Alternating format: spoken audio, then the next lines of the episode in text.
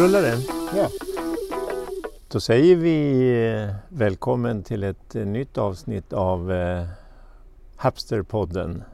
Avsnitt nummer 24. Nummer 24 som idag kommer att handla om ketchup. Precis.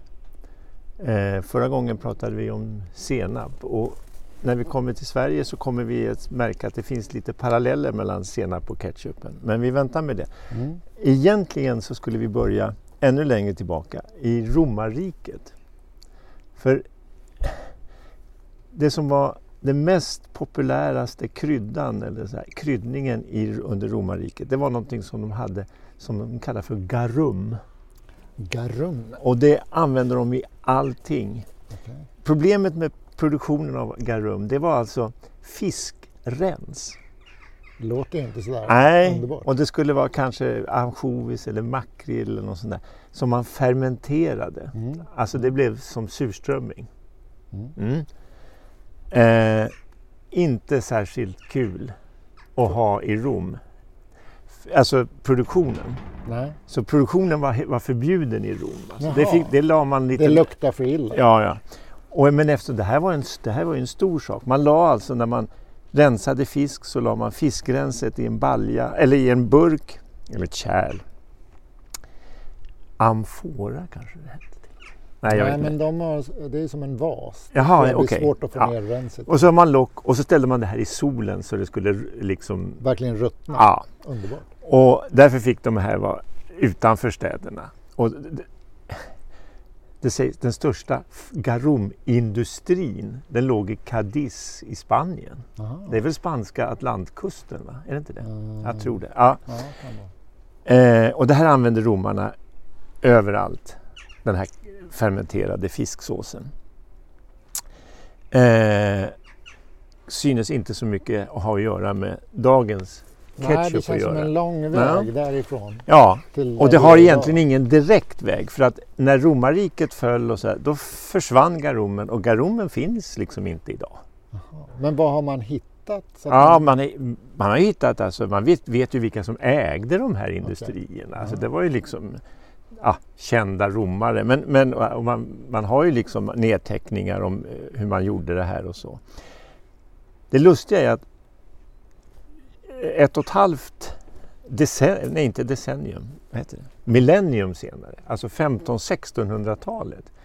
Då dyker de här fisksåserna, den här fermenterade fisksåsen upp i Kina. ah, Om det har något Ja, samband? Där har vi någonting för den historieintresserade Ah, ja. forskaren att eh, ta tag i. Ja. Hur gick det till? Men den här heter då, och det här, det här kallar kineserna för Katsup. Ja, ketchup eller chipup eller något, något liknande. Eh, förlåt vår dåliga franska. och, då spri, och det här är, blir jättepopulärt i Kina. Och det verkar ju som att det, det startar, för då på 1600-1700-talet så, så sprids det här ut från Kina ner till Malaysia och, så, och där kommer engelsmännen i kontakt med Mm. det här och blir helt galna i den här fisksåsen. Och den sprids då till Indonesien och, in, och sådär. Och så Och där förändras uttalet lite Ja. också. Såklart. Lite grann. Och hur 1700-talets engelsmän uttalar det här, det Ja. vet vi ju inte idag. Nej. Men, men, och, sådär. och så tar de med sig den här fisksåsen hem till, till eh, England. Och från England så hoppar den över med de engelska eh, kolonisatörerna till USA. Mm. Men det är fortfarande en fisksås, men den görs också ihop med i, I Indonesien och Kina där görs den ihop med soja, sojabönor och Mm. sådär. Men det finns ju inte sånt i, i, i England så där gör man lite med valnötter eller med, med svamp eller något sånt där.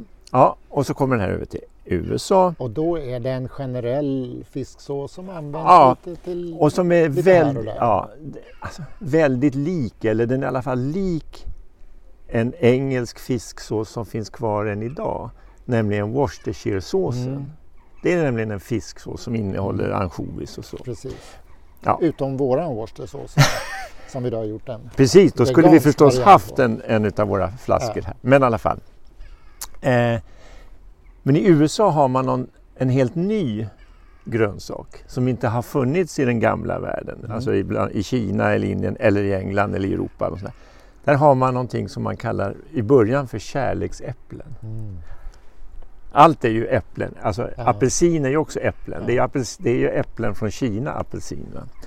Men eh, ehm, där har man ju tomater. Mm. Så då börjar man göra Varför inte ketchup testa med och stoppa ner lite tomater i Ja. den här goda såsen? och sådär. Och då blir den, den blir liksom jättepopulär. Mm. Och den liksom gör, alltså den sprids då. Den finns i någon kokbok från 1801 så dyker den upp första Men är gången. det där Heinz dyker upp? Nej, nej. Eller det är no- långt senare? Mm. Mm. Det är långt senare. Men där dyker den upp då.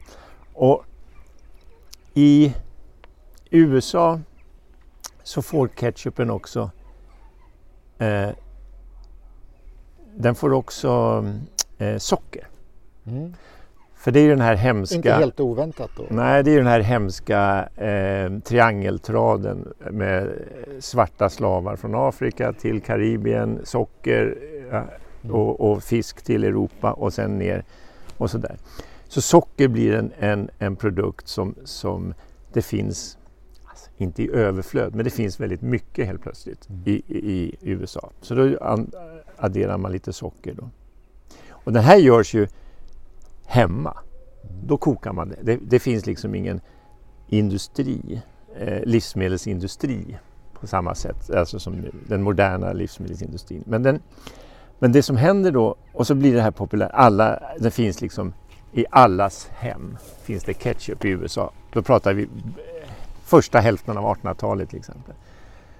I mitten av 1800-talet då bryter det amerikanska inbördeskriget ut. Mm. Och då utvecklas konsten, eller konsten att konservera, alltså med konserveringsburkar eller glas, det utvecklas eh, för att hålla de här stora arméerna med mat. Mm.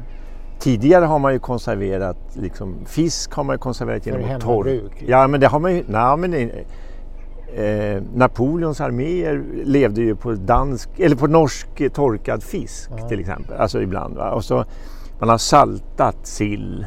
Ja, salt och torka och röka, det var ju liksom de konserveringsmetoderna. Men här under eh, amerikanska inbördeskriget här lär man sig att konservera konserveringsburkar liksom, och konservering. Och inte nog med att man lär sig det. Miljoner lär sig ju att äta sånt. Mm. För det är ju liksom lite annan smak. Det är inte hemlagad mat. Nej, den är inte gjord här och nu Nej. som, som maten annars var. Och, och det, då- då flyttas ju eh, livsmedelstillverkningen sakta från, eller ganska snabbt under inbördeskriget, men från hemmen och till industri, alltså Mm. små industrier och sådär. Och här börjar ju liksom tomatketchupen att tillverkas. Sådär. Eh, men nu, eh, alltså, nu är vi inne på andra eh, halvan av, av eh, 1800-talet. Här råder det ju Alltså det är ju fullständigt sån rövarkapitalism i USA. Det är ju liksom ingen ordning alls. Mm. Framförallt finns det ingen, det finns inga myndigheter som kontrollerar livsmedel. Ja. Och, Vilda västern. ja, precis, vilda västern i livsmedelsindustrin. Men då dyker, då, det är då Heinz, Heinz dyker upp på arenan.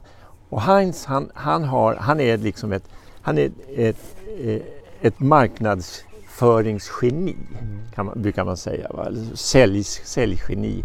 För han, han tänker att vi ska tjäna mycket pengar på ketchup men vi ska, om man håller på och rufflar och bågar då kan man tjäna mycket snabba pengar. Mm. Men inte långsiktigt. För man, man bygger inte upp något förtroende hos eh, konsumenter, hos allmänheten. Utan han, han liksom säger att "Ja, men vi ska göra ordentlig ketchup. Och sen så skapar han en, en, en åttakantig flaska. Mm. Och det blir liksom Heinz, Det är i princip den flaskan. som de har Som de fortfarande. har ja. Mm. Så. Så det är liksom en, en eh, och jag, eh, liksom, det blir deras signatur. så att Heinz affärsidé var att ta den här populära produkten Mm. men göra den trygg och säker och god Ja, i det långa loppet bygga en marknad. ja. Till skillnad mot de andra eh, revolvermännen i branschen. Typ ja. Ja. Och jag vet inte om, om Heinz och när, jag vet inte heller, och jag har inte tittat, när Coca-Cola-flaskan kommer. Men det är ju Mm. lite grann tror jag på slutet av 1800-talet också. Eh, Den här, alltså, var, Ja, Så att man liksom, design var rent generellt Ja. någonting på modet. ja. Sen var Heinz, han var eh, i New York och, och, på, och, skulle sälja sin ketchup och såg en skoaffär där de annonserade om 21 olika modeller. Mm. Och då tänkte han, ah, men det, det där låter bra. Ja. Det där är någonting jag ska ha. Men ja, jag vet inte hur, hur många produkter de hade. De kanske hade 65-70 produkter. Och sådär. Men 65 produkter, nej. Vad ska, nej. Ta ett runt och bra nummer. Ja, men han ville ha någonting sådär och han fastnade för 57. Mm. Det var bra. Det tyckte han lät bra. Ja, och det har Heinz hållit, det står fortfarande på deras fla- alltså ibland. Va? Och ingen 57 vet varför. varje... Ja, men det är för att han tyckte att 57 lät bra. Ja. Sju är ju någon sån här, något, eh, Lyckotal. lyckor, ja, något sånt och varför 57 och sådär. Så att han alltid haft 57. Jag, ska berätta en rolig grej om 57 senare också. Men de har aldrig haft 57 varianter? Aldrig haft, ja någon gång hade de väl det när de utökade men det var bara, alltså, Ja. så det har ingenting, det Det hade finns ingen substans? ingen substans. Nu tror jag de har mer än 6000 produkter Ja. eller något sånt där. Eller ja. Men trots att han var ett, ett marknadsföringsgeni och ett säljgeni så hade han svårt att konkurrera med de här eh, vilda Rufflarna, västern, ja. Mm. Så därför att de kunde använda eh, dåliga produkter, dåliga tomater. Och då hade... Eh, The return of the fiskrens? nej, ja, Inte så illa? ja, men, nej, men inte långt ifrån. Alltså, det, det var lite halvskämda tomater och sådär. Det var bara att ösa ner. Och sen kunde man då... Den här konserverings, moderna konserveringsindustrin hade då kommit på det här natriumbenzoat. Ja, just det. Mm. Eh, och det heter någon sån här benzoat soda på amerikanska eller något sånt där. Som ju fortfarande är en, eh, Absolut. metod som används Ja, ja, ja. Och vi använder den i bland annat i vår mango ketchup. Men Så lite. så lite.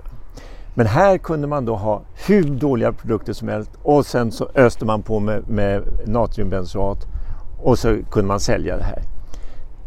Men det fick ju till följd att, att folk blev ju sjuka. Mm. Alltså natriumbenzoat är väl alltså, det är någon slags gift. Alltså det, det förhindrar ju bakterietillväxten så det är klart att någon, någonstans så är det. Men eh, så att det här var ju liksom uppe i den amerikanska senaten man skulle förbjuda eh, natriumbenzoaten. Ja. Men då är det ju livsmedelsindustrin lobbar mot ja, det här. ja, men för den, den har ju en funktion som är rimlig Ja. i rimliga mängder. Men vad som fick till följd var ju liksom att, att alla konsumenter, eller eh, många konsumenter övergav ketchup. Mm. Man kunde inte skilja, skilja på Heinz ketchup och de andras ketchup. Nej, den- Och det här såg ju Heinz då som, det här var en stor produkt för Heinz. De var ju tvungna att göra någonting åt det här. Då är det skarpt läge. Då är det skarpt läge. Så han säger till sina, eh, eh, vad heter det? Ja, Livsmedelskemister. ja, typ. Att ni måste hitta på något, ni, ni måste göra någonting. Eh, jag föreslår att målet ska vara att vi tar bort natriumbenzoat. Mm. Och då säger de, "Ah, hur ska Ja, det, det gå? Hur ska det gå? Ja, det går. Men han är, han är liksom bergfast att det är så vi ska. För det, då kommer vi kunna marknadsföra Mm. oss. Ja. Här kommer man, alltså, Ja, ja.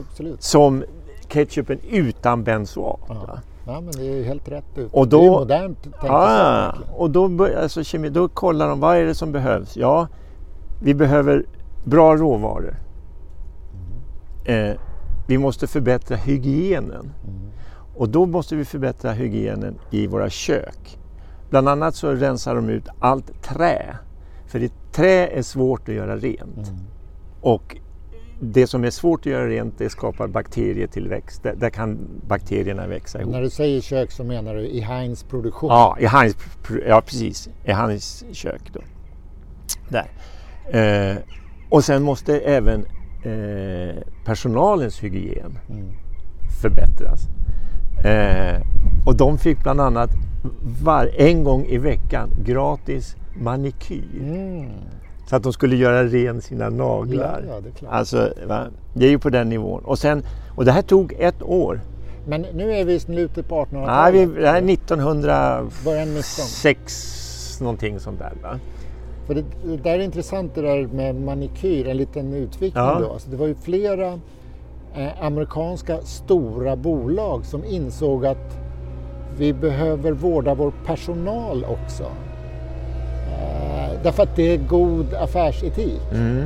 Eh, förutom att man rent allmänt blir en, en, en bra arbetsgivare så, så är det bra för affärerna. Så att om personalen har en bra, om de får rena fina händer och vi ger dem lite semester så de inte gör det, Mm.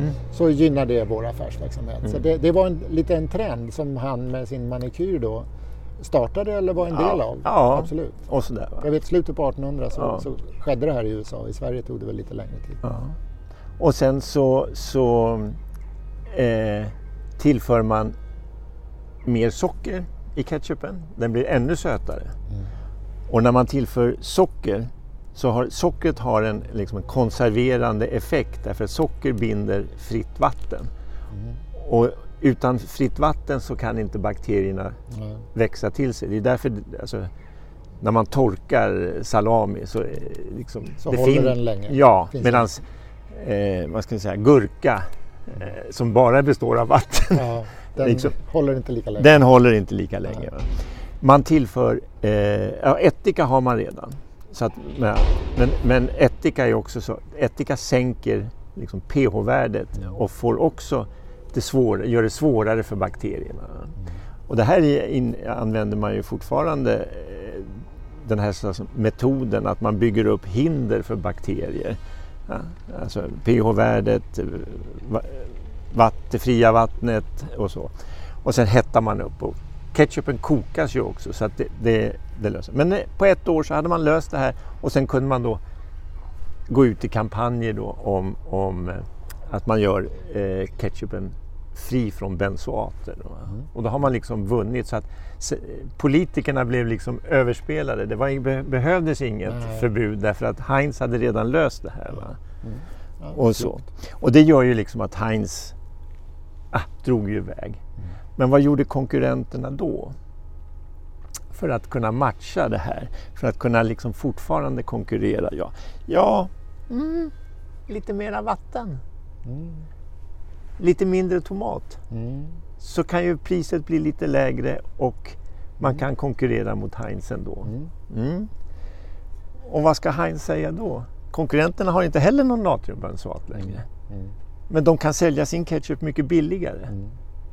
Mm. Men den är ju inte lika...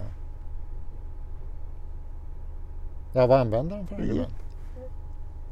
Smak är ju borta. Vad är det som kännetecknar ketchupen i en Heinz-flaska? Den är lite tjockare, lite svårare att få ut. Precis, den är svårare att få ut. Ah. Och det lyckas han få till ett starkt säljargument. The slowest ketchup in the world. Det är helt underbart faktiskt. ja? Då, här snackar vi marknadsföring. Ja, nu vet jag inte om han var död då. Alltså, Nej, men men det, han, det levde kvar i firman, ja, ja, ja. Va? det sättet att tänka. Så att, så att det blev liksom... Eh, eh, och det är ju liksom den här ketchup-effekten. Mm. Man, man skakar och skakar och så kommer ingenting och sen och sen fluff! Ja. Och det här finns det någon kemisk förklaring om som jag har läst att i, i molekylerna kan man, om man tänker det att, att molekylerna är som människor. Så de molekyler som finns i, i, i olja, de håller i varandra lite grann så här. Lite Så, på avstånd. Ja, och så om man vänder upp och ner på flaskan, då tappar de taget om varandra. Ja, så springer de ut en och en. Ja, men molekylerna i en ketchupflaska, de håller, eller ketchup, de, De håller i varandra så här. Ja, Så att de släpper inte när du vänder på flaskan. de kramas ännu hårdare. Ah, ja, de kramas. Men om du... Ah, så där, så, då tappar en taget, och, men då tappar alla taget så här. Bara, vruff! Ja, jo, men det tror jag de flesta av oss har varit med om. Ja, och sådär va. Eh, och då, eh, så det här, det här är liksom kampen då i, i, i- liksom i USA. Och Heinz börjar ju sälja sin ketchup i Sverige också. Och det gör eh, eh, Findus i Bjuv också. Men den som ska förändra liksom eh, ketchupätandet i Sverige och som verkligen gör den här Ketchup-effekten. raket Alltså raketkonsumtionen av ketchup. Sverige är väl, jag tror att det är Sverige, om de är etta eller tvåa i världen efter USA eller, eller bredvid USA sådär va. Det är ju I konsumtion precis som med senap, där vi också Absolut. ligger på den nivån. Mm. Säger det något om svenska mat? Det här är en, en tjeckisk eh, en tjeckisk jude som eh, flyr undan nazismen. Han är gurkkung Ja, i, i Mellaneuropa. Han, eller gurk, alltså han, Ja, de har ett stort gurkföretag då. Och han flyr, han är gift med en svensk eh, kvinna. Så han eh, 1938, om det möjligtvis 39, men innan kriget i alla fall, så flyr han. Ja, det är ju när eh, Hitler går in i Tjeckien, Mm. 38, Ja. eller Tjeckoslovakien. Då flyr de till Sverige och sitter i Göteborg. Och det här får en, eh, en ättiksfabrik i, i Eslöv. i Eslöv eh, reda på att det sitter en, en, ett geni i Göteborg som vi behöver. Så direkt upp till Göteborg och ragga upp, så han, eh, ragga i- upp honom då. Så han flyttar till, Han till flyttar ner till Eslöv. han flyttar ner till Eslöv och, och börjar i det här, den, på den här ättiksfabriken då. Eh, men sen kommer ju andra världskriget och han känner ju liksom att han har hela sin familj kvar i Tjeckien. Och ska, och så, så han lämnar Eslöv, går in i den, liksom den fria tjeckiska armén i England och kämpar i andra världskriget men lyckas tyvärr inte rädda några. Alla, är, alla, hela hans släkt är borta då. Kommer tillbaka till Eslöv efter kriget och sätter igång med, sin, med gurkan. Och det här blir ju en, det blir en jättesuccé. Många svenskar eh, äter ju redan gurka och sådär. Men nu tar han över liksom och, och, och har sina recept med sig. Det är i princip det han kommer med. Men det, det är smörgåsgurkan och de här Smörgåsgurka, klassiska ja, ja, som ja, vi känner igen. och sådär. Va? Ja. Så att de bygger. Och då finns det, om man, om man då blir stor på gurka, som de blev då. Han tar, han tar förresten över det här företaget efter några år och döper om det till Felix. Mm. Eh, vad som är problemet om man blir stor på gurka, det är ju att, att eh, tillverkningen av gurka, det är liksom några veckor om året. Mm. Vad ska, vad ska personalen göra eh, den, den andra tiden? När du har skördat den sista gurkan. Ja, den, ja precis. Och skivat ja. den sista gurkan och sådär. Eh, han är ju också, han är också ett marknadsgeni. För han, han inser ju liksom att när man skivar gurka så blir det ju en snutt kvar i början och en snutt på slutet. Ja, då. Om nu inte gu- gurkan har två änder. Men eh, vad gör, ska vi slänga allt Nej, det det kan där? man inte göra. Ja, men det gjorde man ju. Innan han kom på vad man skulle göra med dem. Ja, det är klart. Ja. Ja. Och sen så, så eh, börjar han hacka upp det där Mm. och göra en röra. Och då skulle de ha ett namn på den här röran. Och då hade de någon tävling. bostongurka? Ja, det, jag tror att det var hans sekreterare som kom på. Det här har ingenting med Boston att göra. Det är så? Ja, ja, ja, de har aldrig hört talas om Bostongurka i Boston. Ja, det är helt underbart. och sådär. Ja, så att då, då letade man ju liksom andra produkter. Mm. Och sen hamnar man ju då i, i ketchupen. För ketchup innehåller ättika förstås och det hade man ju mycket. Och ketchup görs på eh, tomatpuré. Och den är konserverad. För det hade amerikanerna lärt sig att konservera och det gör Heinz gör, eh, på konserverad. Och då kan man göra, ha en produktion runt hela året. Då. Mm. Men hur ska man slå sig in på marknaden då när man har eh, konkurrenter som Heinz och Felix, Mm. eller Findus, som dominerar den svenska marknaden. Då. Hur gör man? Ja, man, Hur gjorde Heinz? Ja, hitta en egen eh, förpackning. Ja, och det gör Felix. De löser det problem som Heinz inte löste. De löste hur får man ut ketchupen ur flaskan? Ketchup-effekten ska bort. Ja. Ja, man skaffar den här röda plastflaskan med den vita texten. Som på. fortfarande ser likadan ut. Det tar inte mer än ett år så är Felix eh, Marknadsledande. marknadsledare i Sverige Ja, på ketchup.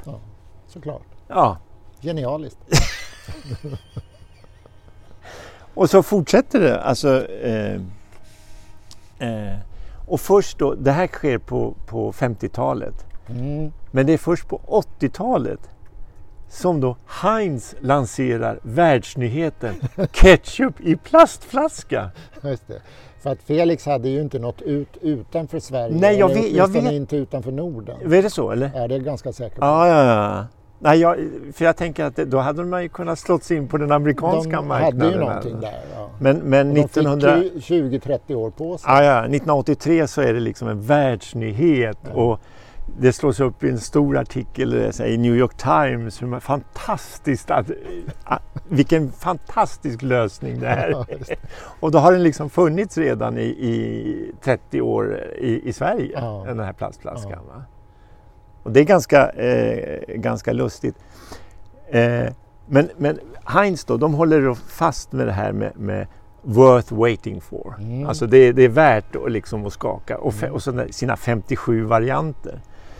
Eh, så de... Eh, på 2000, alltså bara för, jag tror det var 15 år sedan eller något sånt där, så lanserade de en, en, en hemsida Mm. som är, ex, är worth waiting for.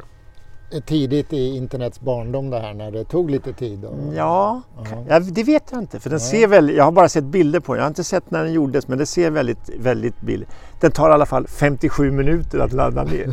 Eller att den innan den öppnar. Inte sekunder utan Nej, minuter. minuter innan den öppnar sig. Men de, om det var de första tusen och så här, som fick en Heinz-flaska så det var worth waiting for. Ja. De, Ja, men, de... men man kopplar Ja. ihop det här, va? 57 varianter, 57 så här, och sina Ja, 57. men man, man använder sina värden i en ny kontext och Ja. eh, bygger vidare på det. det Precis, va? och flyttar smart. över. Ja. Ja.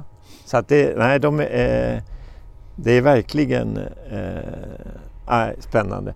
Jag såg förresten, eh, bara för någon vecka sedan, eh, en flaska med indonesisk ketchup. Mm, Okej, det finns... Ja, ja det, nu börjar det ju liksom, eller börjar, men de växer ju de här alltså, internationella avdelningarna Ja. på ICA och, och Ja, Willys och sånt där. Särskilda va? butiker för Ja. vissa, ja, absolut. Men det, den, ja, den stod där. Ja. Jag tänkte, ja, men den där måste jag köpa någon gång. Se hur det smakar. Hur, hur stavades den då? Ja, den, där, den stavades nog ganska likt våran ketchup. Ketchup, Ja. okej. Eh, vi var inne på, på hur Heinz hur, gör, hur de gör för att slippa nat, natriumbenzoat. Ja, Och vi gör ju, det är precis vad vi gjorde för Ja. något år sedan också. alltså precis den här ketchupen då. Att man, och då, då heter det den här hördeleffekten. Man bygger alltså hinder. Mm. för, för bakterierna att växa till. Va? Bra, bra eh, råvaror, bra hygien så att man liksom inte tillför bakterier av slarv eller något sånt där. Eh, man har eh, ättika, man har socker och, och man hettar upp, eh, eller man kokar ju ketchupen och man hettar upp flaskorna och sen självpasteuriserar man. Vi, vi, när vi har fyllt, fyllt en flaska med, med eh, ketchup och satt kapsylen på så vänder man upp och ner så att den, den är så het ketchupen ihop med flaskan då, så att den pasteuriserar hela tiden. Och så. Men då får man ju tänka på att när man väl har öppnat Mm. eh, flaskan. Då är det en, en ah, inte, det är inte som, det är, alltså det är klart att det är en färskvara men den innehåller ju fortfarande mängder med socker. I vårt fall honung. Mm. Och honung har ju dessutom ytterligare eh, en, eh, En god effekt på hållbarheten. ja, honung säger man ju, den, honung blir aldrig dåligt. Nej, jag känner en honungsmakare i Vällingby. Ja. Han, när folk frågar hur länge håller den här honungen då? Ja, man har hittat i romerska, eller så här grekiska gravar flera tusen år gammal. Den är fortfarande ätbar. Ja, Helt overkligt. Ja, ja, ja. Därför att det är så mycket eh, antibakteriella medel och sådär. Så att det, det, eh, men det är ju liksom, när du öppnar den, ja, men då är ju bakterierna i direkt. Så att du måste liksom på med kapsylen och gärna in i kylskåpet, kylskåpet. så fort som möjligt? Ja. för att kyla den. Och Men den är ju så god så att den, den tar ju slut ganska snabbt. Precis. Vi slarvar ju ofta med, med det eh, i vårt personalrum Att den Att blir kvar stående. på bordet. Ja. Och de här ketchuperna, eh, tomatketchuperna, har aldrig blivit dåliga. Eh, och, så. och vi gör ju olika sorter. Vi gör med vitlök, vi gör med basilika, chili, Ingefära. ingefära. Vi har en, eh, en eh, starkare chili som vi kallar för Scotch bonnet. En, Du har det franska uttalet. ja, jag Ja, Scotch bonnet. Jag säger Scotch bonnet. säger scotch bonnet. Därför att skottarna pratar om en bonnet. Det är det som är själva mössan. Jaha, okej. Mm. Scotch bonnet. Jag tycker det låter lite bonnigt. Scotch bonnet. Ja. Ja, men, så i, Ja, men i, bonnet. i Sörmland Mm. så, så Nej. och Östergötland säljs den under namnet Scotch bonnet. I Stockholm. Nej, från och med idag Scotch bonnet. Nej. Eh, för det är just mössan som har gjort, gett namnet för att eh, det är ju en synnerligen ful keps eller mössa. Själva frukten. Ser, ja, Ja, men alltså, det är ju liksom en, en, Kommer du ihåg det en här, tillplattad mössa med en stor boll på. den här, det här glada eh, engelska popbandet Slade? Hade de en sån? Han, sångaren där, hade en sån mössa med, med sån här stickad boll på. Därför att det var ju flera band på den tiden som gjorde en grej av det här skottskrutiga som Ja. en del av sin image. Jag, jag minns just honom. Bay City Rollers, hade Ja, inte de, de hade kiltat i det? Ruta, nej, men rutiga byxor. Var det rutiga Det byxor? var Axl Okej. Rose som hade Guns N' Roses. Han hade kill. Ja, ja, ja. Var han skott? Nej, Eh, men den, den ketchupen har fått ge namn, eller namn, eh, det är, nej, den chili som är som en, en eh, scotch bonnet har fått ge ett namn till den ketchupen, lite Precis. starkare chili Ja. ketchup. Eh, och sen har vi en Bloody Mary, en eh, ketchup med mycket stjälkselleri, svartpeppar och lite lite vodka. och Worcestersås. Worcestershiresås, vår egen veganska Worcestershiresås. Ja. Mm. Precis, Bloody Mary, ingen Bloody Mary utan nej, nej, Worcestershiresås. Sen har vi ju, vilket har framgått eh, av den här historien, att ketchup har ju liksom ingen naturlig eh, samhörighet med tomat. Nej. Så att man kan göra en ketchup eh, på mango som blir alldeles gul också. Och det har vi gjort. En, ah, en fantastiskt god ketchup. Tycker jag själv. Utmärkt god till uh, kyckling eh, eller fisk. Jättes, eller- jättesöt, både av, av eh, mangon själv men också av socker. Här har vi inte honung, här har vi socker. Och sen stark av curry. Nej, riktigt fruktig och god. Ja, och, och den, den, jag brukar säga, alltså, den, eh, även den här passar till allt. ja, men supergod på hamburgare, den är supergod till fisk, den är supergod till eh, kyckling. Om, kan ju säga det också, vår ketchup i likhet med Heinz är ju lite matigare än en Felix ketchup som rinner ut ganska lätt. Mm. Här, konsistensen här är ju i och med att det är krossade tomater Precis. lite mera Ja. chunky som Ja. Vi har ju eh, eh, mest krossade tomater i. Mm. eh, som vi mixar hårt och sådär.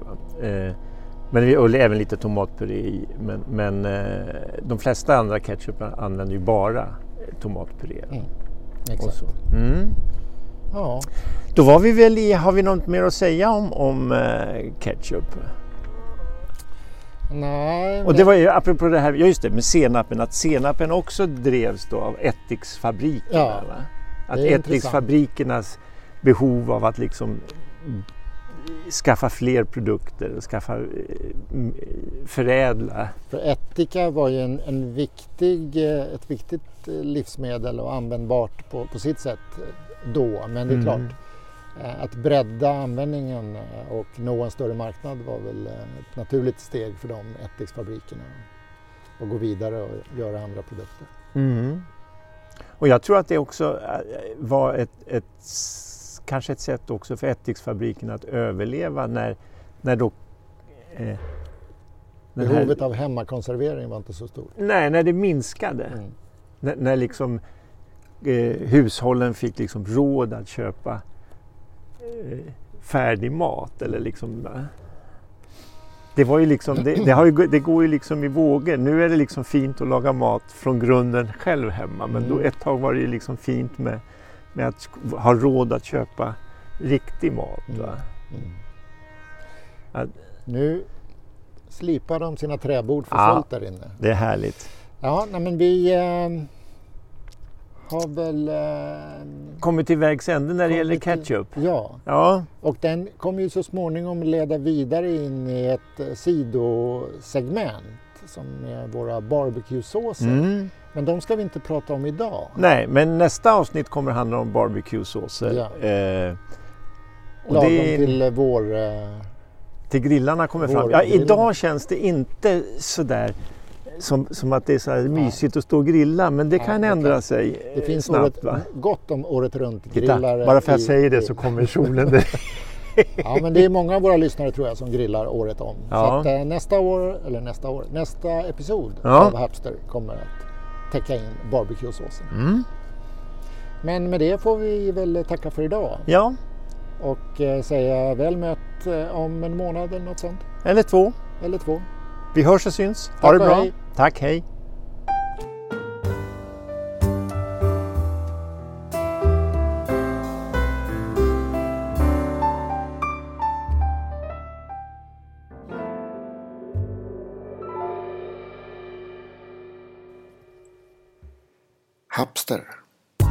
Djupare, lite bredare, lite mera höjd. Vi reser i nuet, lyfter historien och fångar framtiden. Vi finns på Facebook som Hapster Podcast och som Hasselblad Hoffman. Du hittar oss på hasselbladhoffman.se på webben och våra poddar finns på Apple Podcaster, Spotify, Acast och Soundcloud. Tack för att du följer oss.